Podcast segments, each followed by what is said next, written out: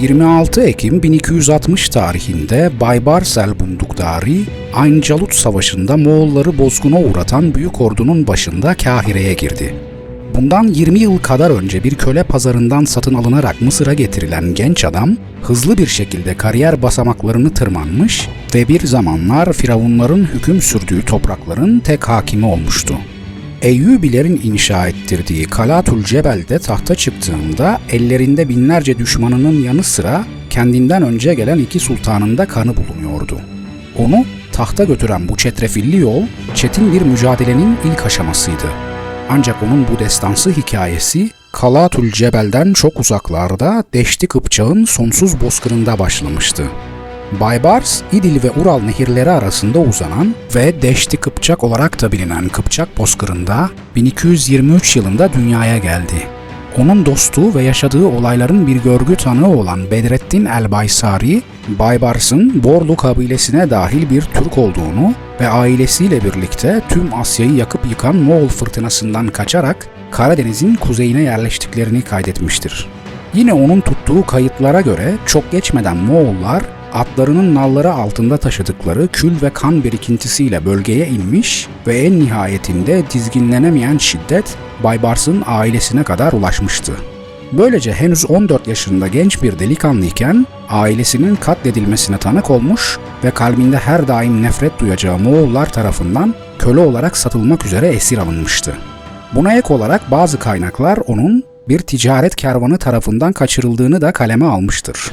Fakat her ne olmuş olursa olsun bu andan itibaren kader Bay Bars'ı hayatı boyunca özlemini duyacağı Bozkır'ın yeşil sonsuzluğundan kopararak gelecekte sultanı olacağı kum ve alevle kuşatılmış cehennem kadar sıcak topraklara doğru götürmeye başladı.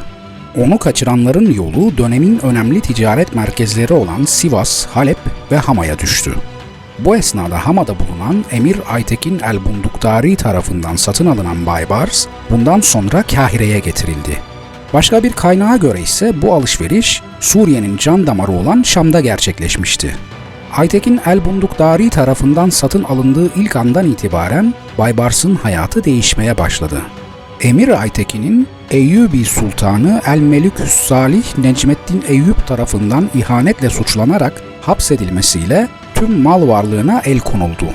Bir zamanlar Aytekin'e ait olan her şey artık sultanındı. Bu değerli mal varlığının arasında Baybars da vardı.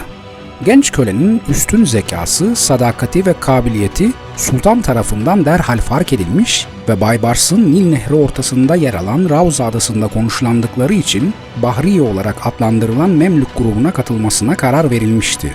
Bundan sonraki birkaç yıl içerisinde Baybars, Bahri Memlüklerin en ünlülerinden biri haline gelecekti. Kahire'de edindiği bu önemli konum, kısa süre içinde devlet işleyişi, askeri bürokrasi ve diplomasi konusunda deneyim kazanmasına yardımcı oldu. Bununla birlikte kurduğu yeni dostluklar aracılığıyla saray içinde etkili bir pozisyona yükselmeyi de başarmış bulunuyordu.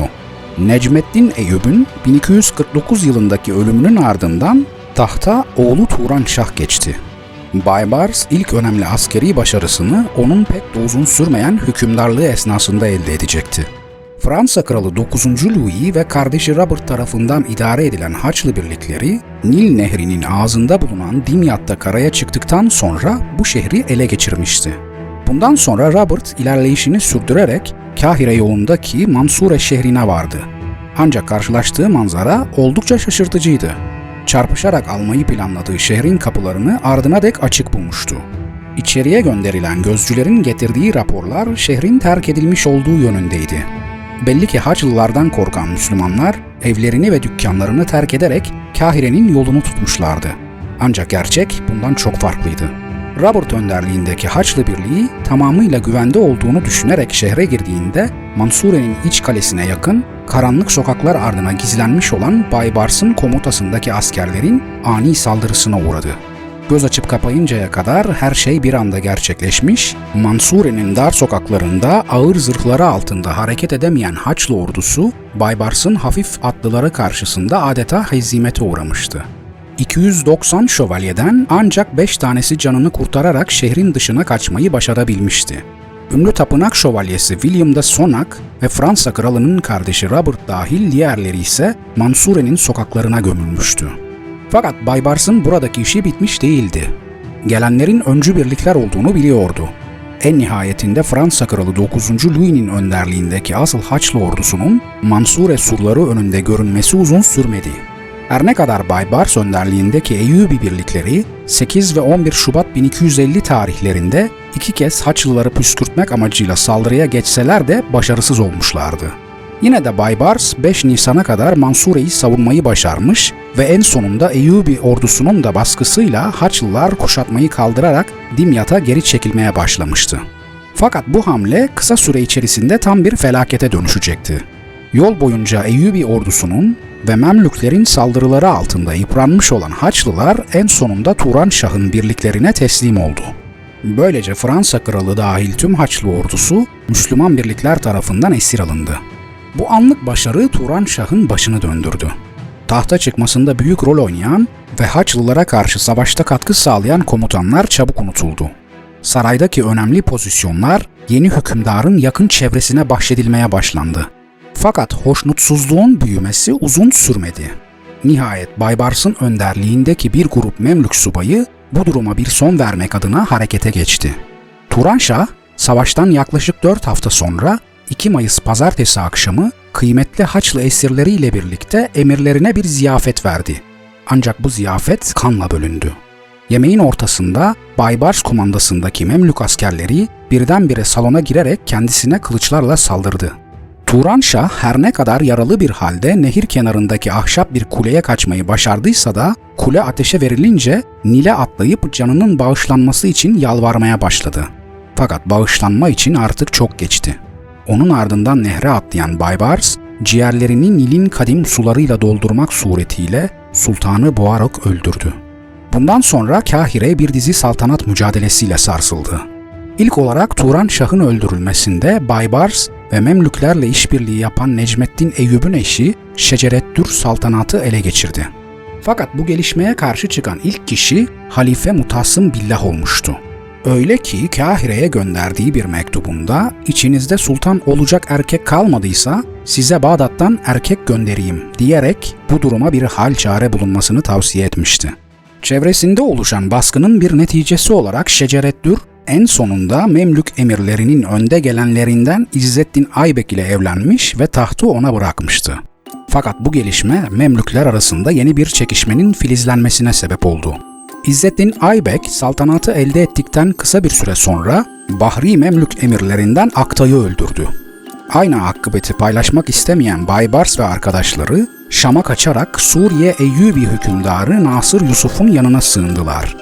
Amaçları Yusuf'u kışkırtarak Mısır'a İzzettin Aybek'in üzerine yürümesini sağlamaktı. Ancak işler planladıkları gibi gitmedi. Nasır Yusuf adım adım Suriye'ye yaklaşan Moğol tehlikesinin farkındaydı. Bu yüzden Mısır'a bir sefer düzenlemeyi göze alamıyordu. Ayrıca Aybek'in Suriye'ye gönderdiği bir ordu Nasır Yusuf'un birliklerini yenilgiye uğratmıştı. Halifenin de araya girmesiyle imzalanan anlaşma Baybars ve arkadaşlarının Kahire'ye teslim edilmesini içeriyordu. Bu sebeple geri gönderileceği korkusuyla Baybars, Şam'dan ayrılarak Kerak emirinin yanına sığındı. Aybek'in baskısından dolayı bunalmış olan Bahri Memlüklerin büyük bir bölümü burada onun çevresinde toplanmaya ve Kahire'ye ilerlemesi için onu kışkırtmaya başlamıştı. En sonunda Baybars, Aybek'in üzerine doğru harekete geçtiyse de Seyfettin Kutuz idaresindeki bir ordu tarafından yenilgiye uğratılarak geri çekilmek zorunda kaldı. Bu sırada Mısır'da işler daha karmaşık bir hale geliyordu.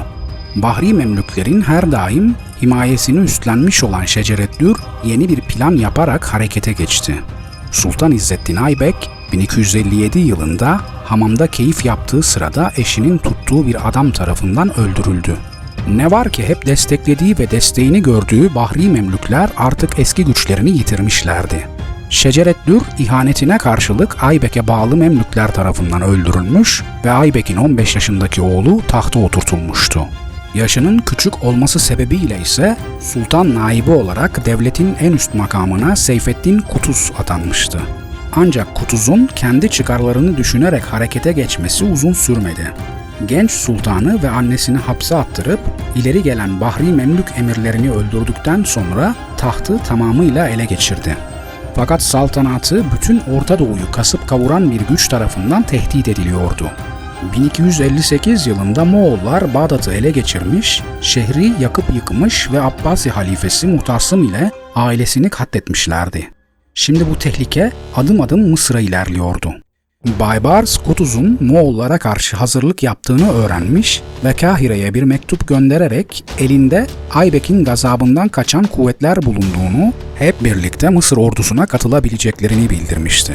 Moğollara karşı Bahri Memlükleri de seferber etmekten başka çaresi olmadığını anlayan Kutuz, onlar üzerinde güçlü bir otoritesi olduğunu bildiği Baybars'ın bu teklifini kabul etmişti. Bunun üzerine 1260 yılının Mart ayında Baybars Mısır'a döndü. Kutuz, Baybars'ı Memlük ordusunun öncü birliği komutanlığına getirdi ve savaşın kazanılması durumunda Halep'i kendisine ikta olarak vereceği sözünü verdi. Ancak Mısır'a ulaşan yalnızca Baybars olmamıştı. Onun gelişinin üzerinden çok geçmeden Hülagü Han'ın elçisi de Kahire'ye ulaşmış ve Han'ın Mısır'ın kendisine boyun eğmesini istediğini bildirmişti. Pek tabi bu istek Seyfettin Kutuz tarafından reddedildi. Hülagü'nün tehditkar mektubunu getiren elçilerse Baybars'ın önerisiyle öldürtüldü. Moğolların istekleri kibir ve küstahlığın ötesindeydi. Bu yüzden Seyfettin Kutuz gelen her Moğol elçisini öldürmüş ve Mısır'ın çeşitli bölgelerinde sergilemişti. Artık savaş yaklaşıyordu. 1259 Ağustos'unda yaşanan bir gelişme koşulların değişmesine sebep oldu.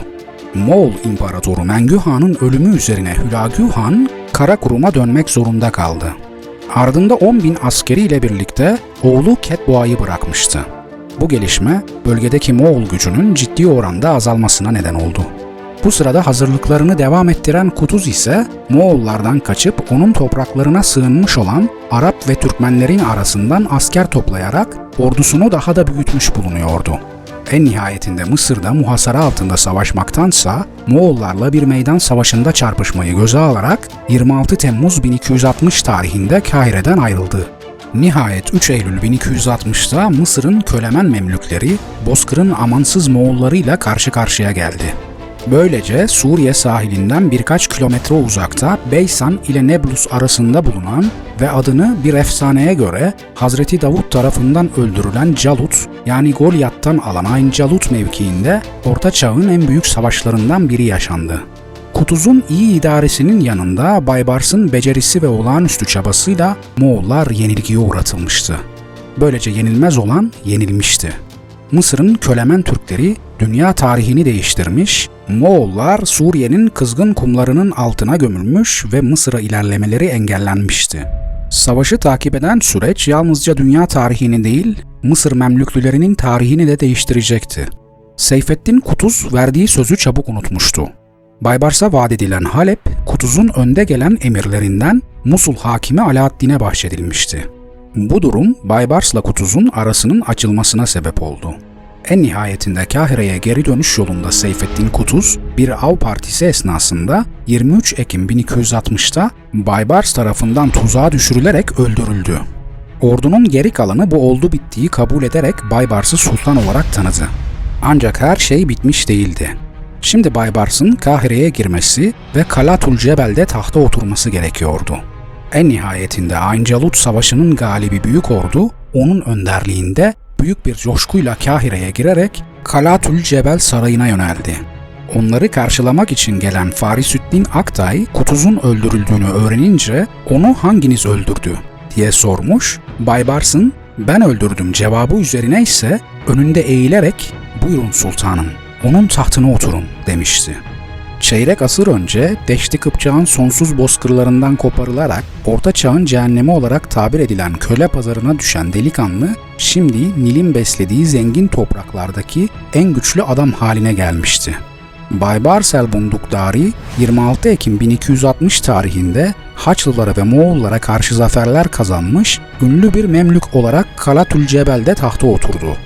Şimdiye dek elde ettiği zaferler yalnızca bir başlangıcı temsil ediyordu.